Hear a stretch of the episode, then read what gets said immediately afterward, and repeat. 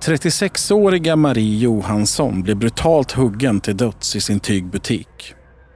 Trots blod från den kvinnliga mördaren förblev dådet en gåta i nästan två decennier. Häromdagen kom det sensationella beskedet att polisen äntligen hade fått en DNA-träff. Och allt började med en stöld på Ikea.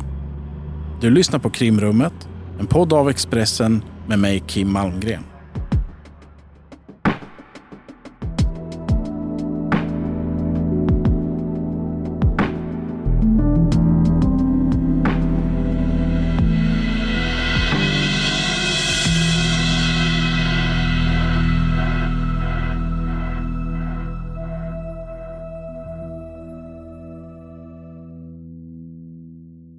Det är tidig kväll torsdagen den 13 oktober 2005 och mörkret börjar falla över centrala Göteborg. På Kyrkogatan, ett stenkast från där domkyrkan tornar upp sig, ligger den populära tygaffären Stuvkällaren. 36-åriga Marie Johansson är den enda som jobbar i butiken den här kvällen. Och hon börjar göra sig redo för att avsluta arbetsdagen. Samtidigt som människor myllrar förbi på den granitlagda gågatan utanför bär Marie in den stora blomkrukan som har välkomnat kunderna utanför entrén. Radion står och spelar på hög volym medan Marie räknar dagskassan. Klockan är på väg att slå sex på kvällen. Marie har bara kvar att släcka ner och stänga innan hon kan sätta sig på cykeln och trampa hem till hissingen. Men det finns en annan person som dröjer sig kvar i butiken. En kvinna. Hon är inte så lång, hon har bylsiga kläder på sig, svart jacka, rosa byxor och gröna vantar. Någon minut senare ser vittnen hur kvinnan går från butiken. Hon har blod på kläderna som hon försöker täcka över. Marie Johansson kommer aldrig hem till hissingen igen. När hennes chef ringer henne på kvällen får han inget svar. När han fortfarande inte får något svar morgonen därpå så växer oron. Ägaren och hans hustru sätter sig i bilen och kör från hemmet i Borås till butiken i Göteborg. När de anländer förstår de direkt att något är fel. Lamporna i butiken är fortfarande tända. Radion står och spelar så att det hörs ut på gatan. När ägaren går in i butiken gör han den makabra upptäckten. Innanför dörren ligger Maries döda kropp. Hon har blivit mördad med flera hugg från ett vasst föremål och dagskassan på uppemot 7000 kronor är försvunnen. Ägaren slår larm till polisen som genast inleder en intensiv jakt på mördaren. Förutsättningarna för polisen att lyckas ser vid en första anblick ut som väldigt goda. Men de sista pusselbitarna vägrar falla på plats. I slutändan blir det brutala dådet en mordgåta som ska jäcka polisen i nästan två decennier. Polisen har fått en DNA-träff efter mordet på Marie Johansson i Göteborg 2005. Det var den 13 oktober 2005 som 36-åringen mördades när hon skulle stänga tygbutiken Stuvkällaren i Göteborg. Polisen har haft eh, DNA-spår från en misstänkt kvinnlig mördare och i fredags så fick polisen uppgifter från NFC om att man fått en träff. Nu på Storytel. Första delen i en ny spänningsserie. En liten flicka hittas ensam i en lägenhet. Hennes mamma är spårlöst försvunnen. Flickans pappa misstänks för brottet men släpps fri trots att allt tyder på att han är skyldig. Olivia Oldenheim på åklagarkammaren vägrar acceptera det och kommer farligt nära gränsen för vad hon i lagens namn tillåts göra. Lyssna på När allt är över av Charlotte Al-Khalili på Storytel.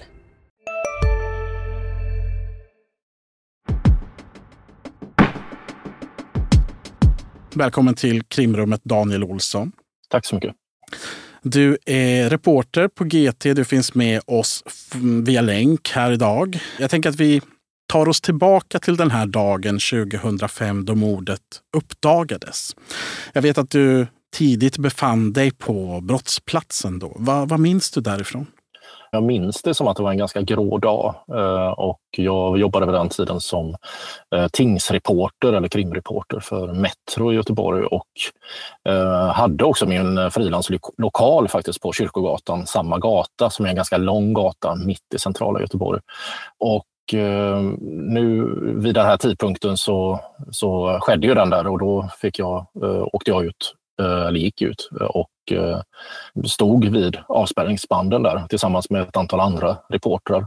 Och det jag minns var att avspärrningen var väldigt långt borta att man, att, eh, från början. Att man det var ganska långt till den här platsen. Eh, och jag vet att eh, vid första ögonblicket så visste man inte vad det rörde sig om. Det fanns inte riktigt samma sak som idag, så får man kanske reda på mycket tidigare att ja, det är ett mord som hade begåtts eller så där, via olika presstalesmän och sånt där. Jag minns det som att eh, det var först att man kände till att det var en avspärrning och sen att det var ett grovt brott. Mm. Och om vi börjar med att det här sker på Kyrkogatan i Göteborg. Vad är det för plats? Alltså Kyrkogatan är eh, verkligen mitt i centrala Göteborg. Det är ett stenkast från domkyrkan som du sa tidigare. Det är vid Brunnsparken ganska nära. Det är eh, liksom en sidogata till eh, Östra Hamngatan. Det, det är mitt i shoppingområdena Eh, i Göteborg kan man säga. Men ändå så är det en ganska trång gata. En ganska liksom smal och trång och lite mörk gata. Men det finns en mängd olika småbutiker här och just den här butiken hade ju, den, den har ju funnits eh, sedan 66, inte hela tiden på Kyrkogatan. Men eh, den, det var ju en, en, verkligen liten, en institution med tanke på att det var liksom en tygbutik så centralt i stan.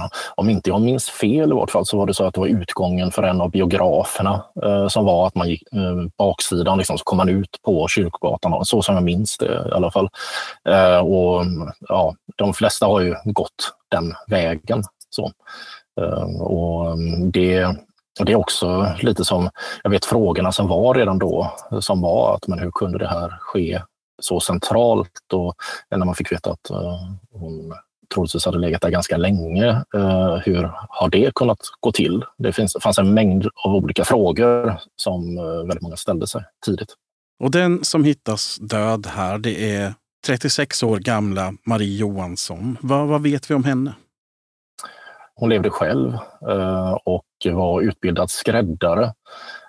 Hon var en, beskrivs som en ganska sport artig person. Eh, eh, det är en av de bilderna som ofta publiceras är på henne när hon har dykarutrustning.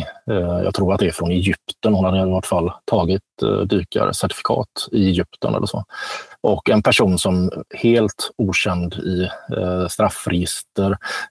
När polisen gjorde undersökningar av hennes sociala umgänge och så vidare, så de kunde inte hitta några relationsproblem, inga konflikter överhuvudtaget. Så i den delen så föreföll det ju vara lite av ett mysterium att, detta, eh, att hon kunde eh, möta det här ödet.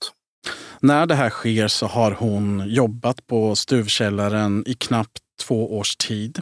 Hon har väldigt god relation med eh, ägaren till butiken. Efter det här sker så talar han och hans hustru väldigt gott om henne i flera intervjuer. De säger vi har haft sån tur som har haft henne som anställd för hon var väldigt kunnig, hon var väldigt lojal och kunderna tyckte om henne väldigt mycket. När en sån här sak sker så är det väl nära till hans att tro att det kan handla om ett relationsmord. Det är ofta fallet när, när kvinnor är målsägande på det här sättet.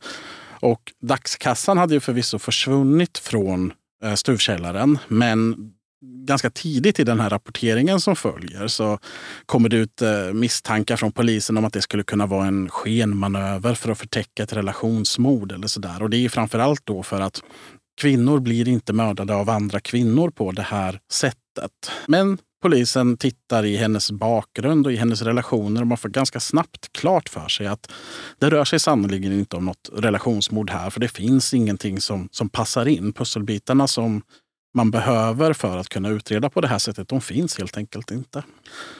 Polisen får snabbt klart för sig att mördaren sannolikt är en kvinna. Det finns flera saker som talar för det. Och jag skulle säga, visst är det så att till en början så ser förutsättningarna för polisen att lösa detta, de ser väldigt goda ut. I och med att kvinnor är så sällan eh, förövare av den här typen och att man tyckte att man hade liksom, väldigt tidigt så hade man väldigt mycket bevisuppgifter. Överhuvudtaget vittnen. Det var, ju, det var ju personer som hade pratat med henne. Det var personer som hade sett henne inne i butiken. Det var personer som hade sett henne utanför butiken. Hon hade agerat på ett annorlunda sätt. Eh, och sen så skulle det senare också finnas en visserligen väldigt blurrig eh, bild eh, från en övervakningskamera från ett hotell på den här eh, gatan. Allt detta var ju eh, möjligheter för att lösa detta eh, och man trodde ju verkligen det vid den tiden. Jag har under de senaste dagarna pratat med en hel del eh, åklagare och poliser som var med vid den tiden och en av dem eh, pratade jag med igår som sa att eh, de alltså, de pratar om det, herregud, det är en kvinna. Vi har DNA, vilket man ju tidigt fick. Eh, vi har mängder av vittnesuppgifter. Det här kommer vi lösa på några veckor. Men så tillade han ju, men så blev det ju inte.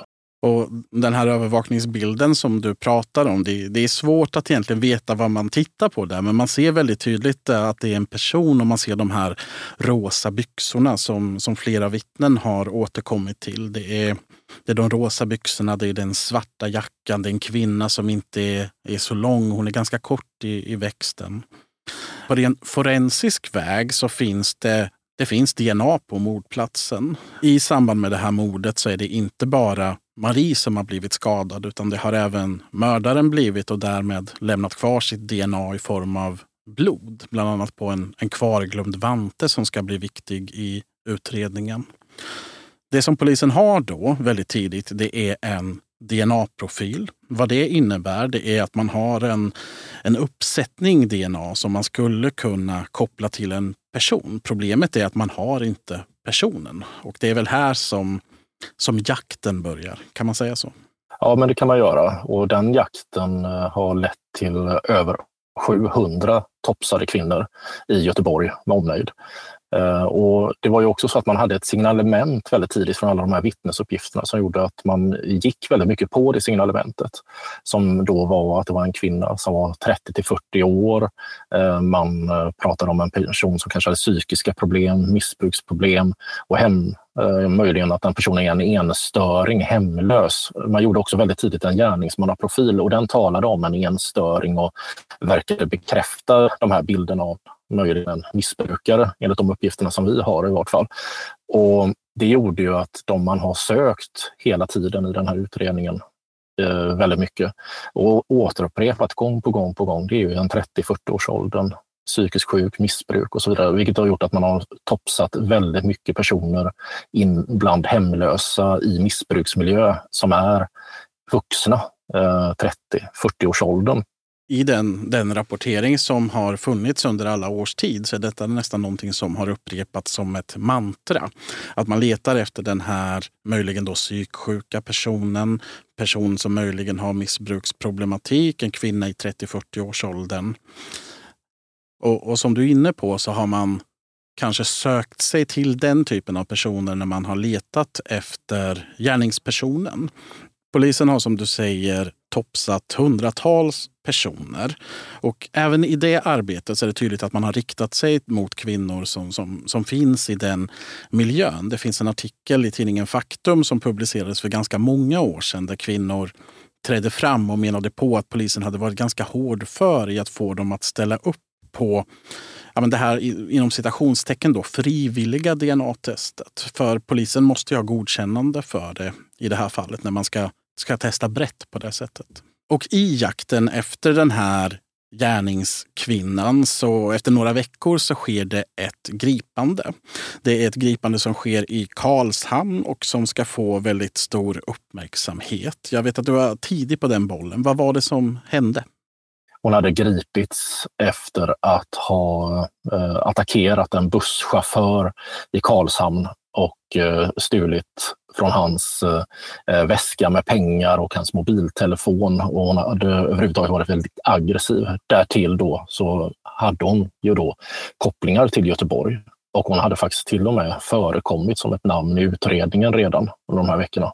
Så allting verkade ju väldigt, väldigt... Eh, Okej, okay, men nu, nu är det ju... Nu har man ju hittat henne. Det var ju verkligen den känslan. Och det här är en kvinna som har en historik av utåtagerande beteende. Den, den här händelsen i, i Karlshamn när hon ger sig på busschauffören, det är inte första gången som hon agerar på det här sättet. Eh, hon, hon, nämns i utredningen på grund av kanske tidigare meriter snarare än någonting som hon har som har skett nu. Och hon grips då i Karlshamn i en tid när polisen verkligen är på tårna. Man ska lösa det här mordet i stuvkällaren och man har samtidigt fått den här väldigt tydliga bilden av gärningskvinnan eller vem man tror att hon är. Och där passar den här 42-åriga kvinnan väldigt väl in på den mallen.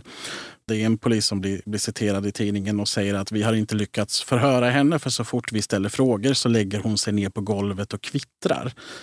Vilket kanske visar vilken typ av psykiatrisk problematik det, det handlar om. Så skulle nog en polis aldrig uttala sig idag, men det var kanske lite andra, andra bud på den tiden.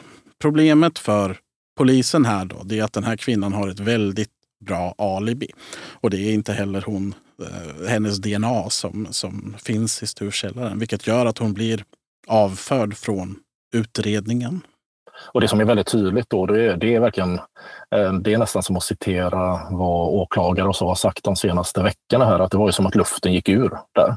Eh, man märker det att liksom den bevakningen som var jätteintensiv, den var ju fram till släppandet av henne.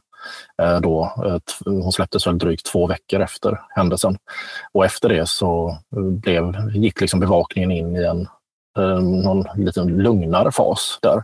Och det som också, det här signalementet spreds ju inte bara via tidningar och så, utan det var ju också via Efterlyst. Dagen före eller två dagar före det här gripandet av den här kvinnan så hade ju Efterlyst gått ut i ett program och så. Det var ju en väldigt stor intensiv eh, Eh, bevakning av detta och poliserna fick ju väldigt mycket av sin eh, liksom hela signalementet och så, både via interna kanaler och via mediebilden. Så att det var inte konstigt att de reagerade. Hej, Ulf Kristersson här.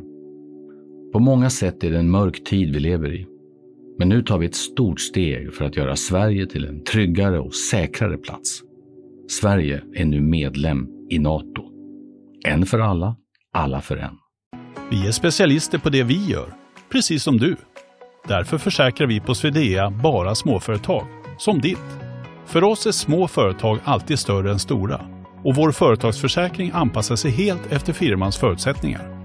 Gå in på swedea.se företag och jämför själv.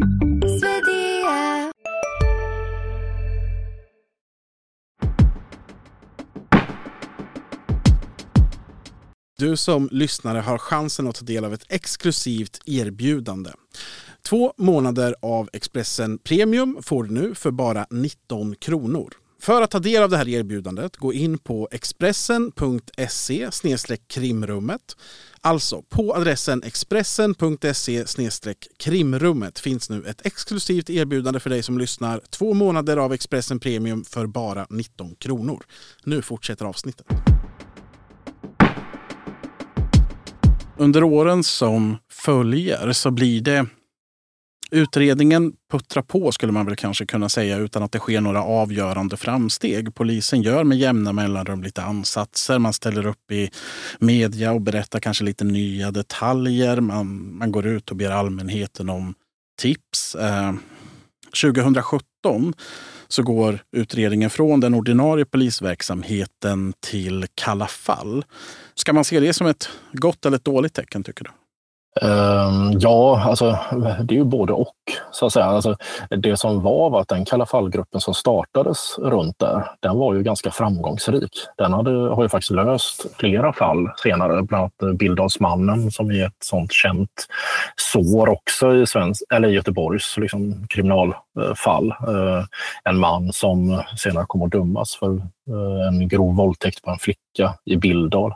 Och flera, så de var ju ganska framgångsrika. Samtidigt så är ju alltid Kalla fall gruppen, alltså deras ärenden är ju, det, det är ju ärenden som läggs på hög.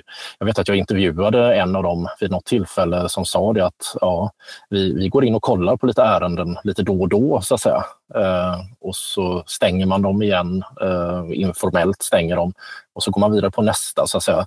Och ibland så får man ju genombrott och så men väldigt mycket så ligger de ju där på hög, Eh, måste man väl säga. Under de 11 år som utredningen har legat bland de ordinarie mordutredarna så har man inte riktigt kommit någonstans. Man har väldigt bra förutsättningar men man hittar inte rätt person. Det som sker när den kommer till Kalla fall det är att man får lite av en nystart i utredningen. Man, man skickar iväg den utpekade mördarens DNA till ett företag i USA som ger en del nya uppslag. Man får en fantombild på en ung kvinna Kvinnan man letar efter har sannolikt bruna ögon. Hon har mörkt, brunt eller svart hår. Hon har möjligen rötter i södra Europa eller på Balkan. När man går ut med den här informationen så kommer, precis som tidigare i utredningen, en ny ström av tips in till polisen. Och detta är väl någonting som har varit återkommande kanske. Att när polisen ber om hjälp så, så svarar allmänheten. Vi har fått in cirka 100 tips, så det var ju över all förväntan. Vi hade väl hoppats kanske på 50 tips, men 100 tips har vi fått och eh, en hel del tips är väldigt bra och eh, många andra är bra också som vi kommer följa upp. När vi får ett tips så bearbetar vi det och försöker identifiera den eh, kvinnan tipset handlar om och sedan går vi vidare och ser om den kvinnan förekommer i några register som vi kommer åt för att se om vi ska åka ut och då jämförelsetopsa henne. Och har vi tur så eh, finns just det där tipset som vi har väntat på. 2005, det är 18 år sedan. Mycket hinner hända under den tiden. Det är inte ens säkert att man har en gärningsman i livet längre. Kanske inte kvar i Sverige. Det finns så många scenarion där detta förblir olöst. Och det tycker jag har varit de senaste tio åren när man har pratat med poliser om detta eh, i olika fall. Då är ju det en bisats som har kommit nästan hela tiden om hon är i livet. Eh, och det, det har varit en bisats under hela den här och väldigt många har kanske trott att det här är en person som kanske inte har klarat av att veta vad hon har, begått, har gjort och sen Eh, faktiskt inte längre är i livet eller av andra skäl har levt ett eh, hårt och tufft liv och därmed också eh, har, inte längre finns i livet. Mängder av sådana möjligheter har man ju trott att det har varit genom åren. Och efter 18 år av frågor så har det hänt väldigt mycket den senaste tiden. Jag tänker att vi spolar fram till nutid och ger oss i kast med det som faktiskt ska ge frukt i slutändan. Allting börjar den 26 november 2022, alltså knappt för tre månader sedan. På Ikea Bäckebål på Hisingen i Göteborg är det som vanligt full rullians bland kunderna framme vid kassan. En 35-årig kvinna stoppas av personal efter att hon gått igenom självskanningen. Det visar sig att hon har plockat på sig varor för 2000 kronor men inte betalat för dem. Kvinnan har bruna ögon, svart hår och rötter på Balkan. Ikea kontaktar polisen och det blir ett polisärende av hela saken. När vi rapporterade om det här förra veckan skrev vi att det handlade om en stöld. Och det, det kanske stämmer i folkmun, men rent juridiskt så gör man sig skyldig till bedrägeri om man inte betalar för sig i en självskanningskassa. Det här är en typ av brottslighet som sker varje dag och på polishuset så lyfter man inte på ögonbrynen över att någon har gått igenom självskanningen utan att betala.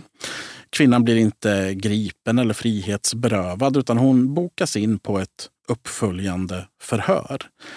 Det här förhöret sker först den 30 januari. Då är hon på plats för att förhöras i vad som kommer att leda till ett straffföreläggande. Enkelt förklarat så medger hon skuld för det hon misstänks för och hon får betala dagsböter. Men eftersom bedrägeri har fängelse i straffskalan så ska hon topsas. Och det är här det börjar bli väldigt intressant. Ja, det är ju så att det här ligger ju då på polisen fortfarande. Den polisens förundersökningsledare här hade precis varit på en eh, kurs, en eh, utbildning där man väldigt, väldigt mycket hade eh, tryckt på vikten av att verkligen se till att topsa alla som inte eh, har, eh, där det finns då fängelse i straffskalan, där det inte bara leder till böter. Att det finns väldigt viktiga skäl för det och enligt den här förundersökningsledaren hade man faktiskt nämnt just stuvkällaren som ett exempel på något som man skulle i en framtid kunna avslöja om man bara såg till att topsa fler, så att säga. Eh, och det är en så kallad registertopsning, att man topsar, så finns det då i eh, polisens register, eller NFCs register. Och när man då får nya spår så kan man då slå mot eh, mot det och gamla spår finns där. Och det gick väldigt, väldigt snabbt från den 30 januari eh, då FU-ledaren faktiskt fattar beslutet att topsa henne. Eh, redan Eh, några dagar senare så kommer beskedet från NFC och det är ju att man nu faktiskt har hittat eh, en kvinna som matchar DNA som fanns i stuvkällaren nästan 18 år tidigare den här typen av småkriminalitet om man säger så. Det, det, man plockar på sig varor på Ikea och man betalar inte för dem och sen så leder det till att man kan lösa den här mordgåtan som har jäckat polisen i 18 års tid. Det, det är sensationellt får man säga. Det är också lite typiskt för det finns ju en kategori av personer som har begått väldigt grova brott. Vi har ju Linköpingsmannen med dubbelmordet i Linköping. Vi har det här fallet. Det finns ju ett antal andra där personen faktiskt inte har gjort sig skyldig till något brott eller bara mindre brottslighet som man känner till. Eh, och det är ju en typ av Eh, liksom gärningsman som går under radarn, måste man ju säga. Eh, som kanske också medvetet har gått under radarn, har varit försiktig på olika sätt. Det kan ju finnas sådana saker. Därför så är det kanske just i den här typen av mindre brottslighet då som de till slut kan avslöjas. Då. Det här innebär ett helt nytt läge för utredningen i Stuvkällaren. Helt plötsligt så har man hittat den här kvinnan som man har letat efter i alla år. Och det naturliga det vore väl att hon, hon plockas in och hon förhörs mot allt det här. Men det är då ett antiklimax uppstår. Vad, vad är det som händer? Ja, det som händer är att man tar väldigt tidigt in henne, eller man hämtar in henne, fattas beslut. Hon förklaras skäligen misstänkt för det här brottet. Man hinner ta fingeravtrycken på henne enligt våra uppgifter. Men då ringer eller meddelar åklagaren som håller i utredningen att släpp henne. Vi kan inte göra något. Hon, brottet är preskriberat. Och bakgrunden till det, det är ju då att hon var ju 17 år vid tillfället. Eh, och från början var det, eh, så som vi har fått det förklarat för oss, ingen som tänkte på det i, i den meningen. För mord har ju ingen preskriptionstid längre. Men åklagaren har beskrivit det som att hon tittade närmare på lagen och insåg att vänta nu, när du är under 18 år, då finns det faktiskt en preskriptionstid på 15 år. Det betyder att det här brottet faktiskt preskriberades, för hennes del i vart fall, i oktober 2020. Så polisen är ett och ett halvt år för sent ute. Ja, precis så.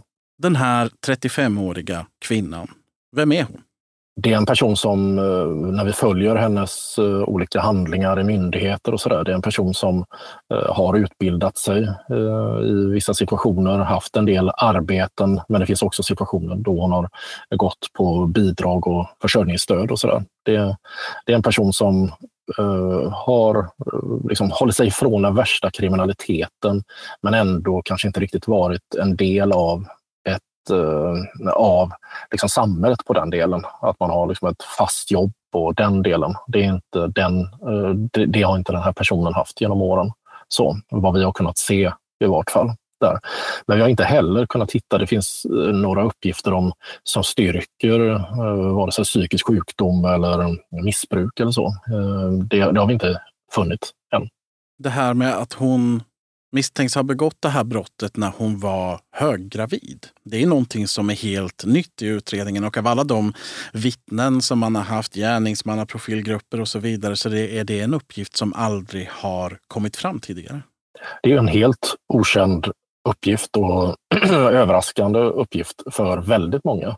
Eh, och det verkade också som att eh, de som jobbade på Kalla fall-gruppen inte heller hade koll på det eh, flera dagar efteråt. Eh, alltså de inte hade koll på det riktigt. Det finns i utredningen inga uppgifter om att personen skulle vara höggravid. Snarare pratades det om en person som är normalt byggd.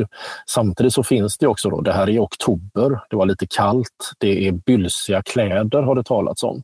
Och det finns också en uppgift om att eh, kvinnan ska ha lämnat eh, mordplatsen med ett tygstycke över sig, troligtvis för att dölja blod och så. Så det finns ju ett utrymme för att även en ganska stor mage hade kunnat eh, då, eh, döljas genom de här kläderna och så. Eh, men det är också så att eh, hon döms eh, senare för brott, alltså stölder och sånt som hon har begått ganska tätt inpå så att hon har varit brottsaktiv som hög eh, och stulit och så. Så det, det, är ingenting att hon har avhållit sig från det under den här tiden. Eller så, det finns ingen, så att hon har liksom varit brottsaktiv under hela den här perioden, hela den hösten. Och om man tittar på polisens eh, gärningsmannaprofil som man har gått väldigt hårt på under alla de här åren. Och sen tittar man på den här kvinnan polisen hade fel, får vi väl nästan konstatera.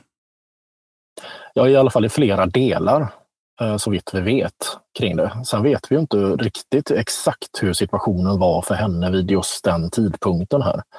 Eh, och det kan också hända väldigt mycket. Människor kan vara i olika stadier av sitt liv eh, i en tonårssituation. Det kan finnas mängder av saker som vi inte känner till som skulle kunna förklara en del av de resonemang som gärningsmannaprofilgruppen gjorde som kanske skulle kunna göra att hon Eh, hon kanske skulle kunna vara mer lik än vad, vad, man trodde därifrån.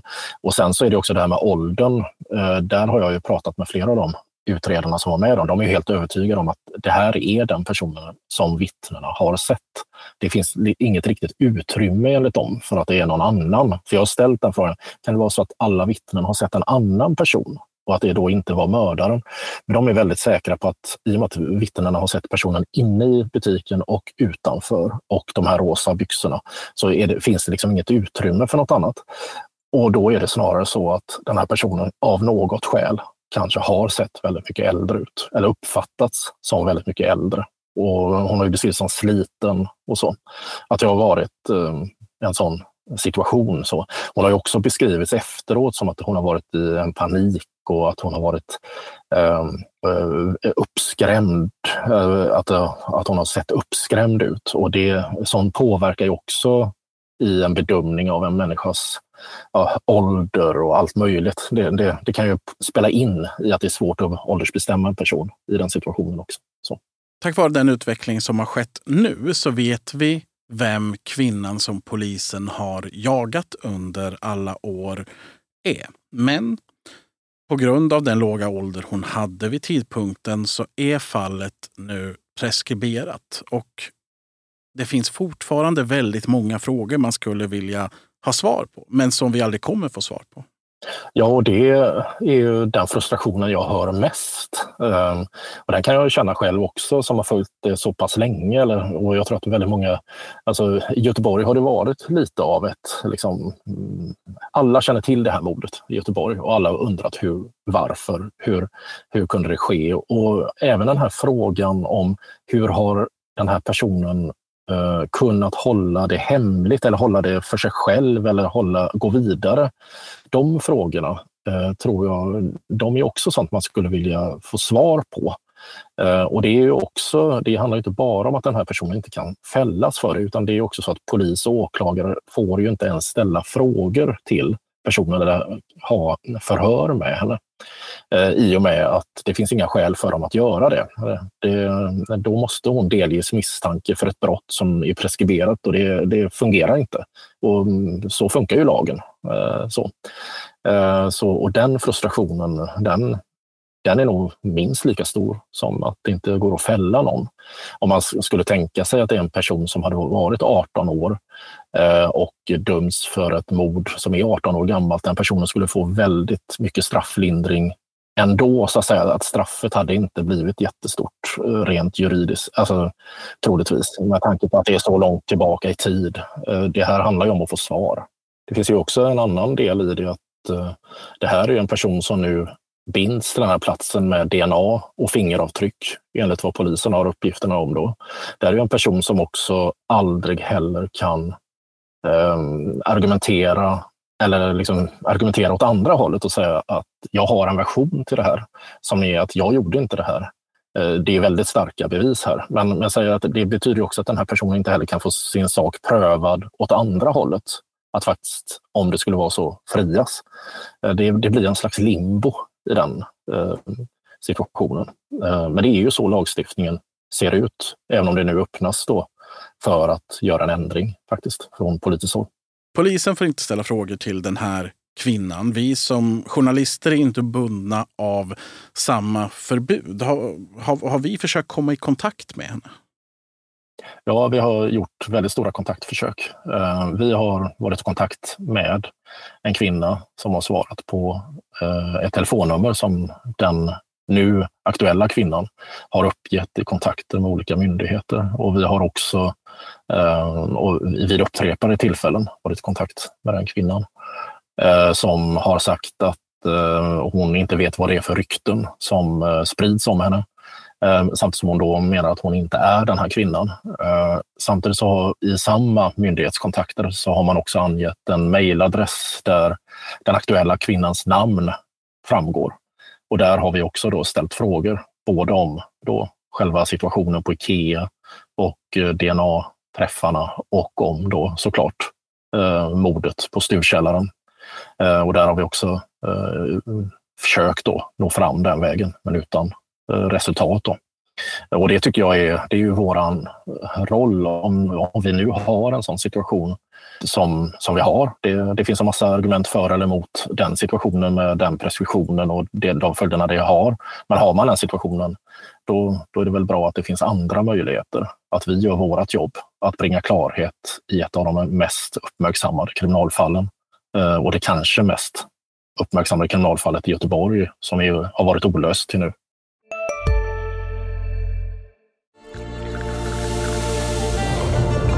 Välkommen till Maccafé på utvalda McDonalds restauranger med Baristakaffe till rimligt pris. Vad sägs om en latte eller cappuccino för bara 35 kronor? Alltid gjorda av våra utbildade baristor. Hej, Synoptik här. Hos oss får du hjälp med att ta hand om din ögonhälsa.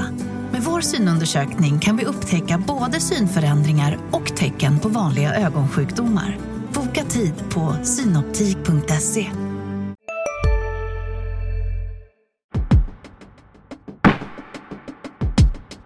Tror du att vi någonsin kommer få några svar? Jag tror att det gör någonting med en människa som håller en sån här hemlighet för sig själv eller inom en väldigt snäv krets. Att jag tror att det gör väldigt mycket med en människa och frågan är om det går att vända det så att säga, till att den personen går från tystnad till att prata jag är lite skeptisk eh, till det. Jag skulle väldigt gärna vilja att vi får ett svar. Mm. Vi får följa utvecklingen här och se vart den leder oss. För veckans avsnitt av Krimrummet sätter vi punkt. Tack Daniel Olsson för att du ville vara med. Tack.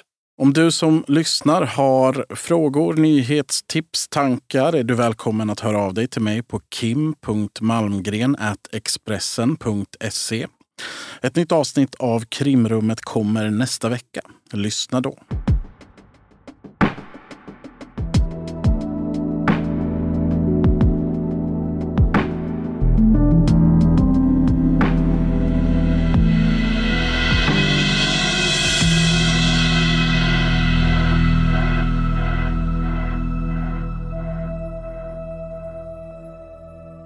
Du har lyssnat på en podcast från Expressen.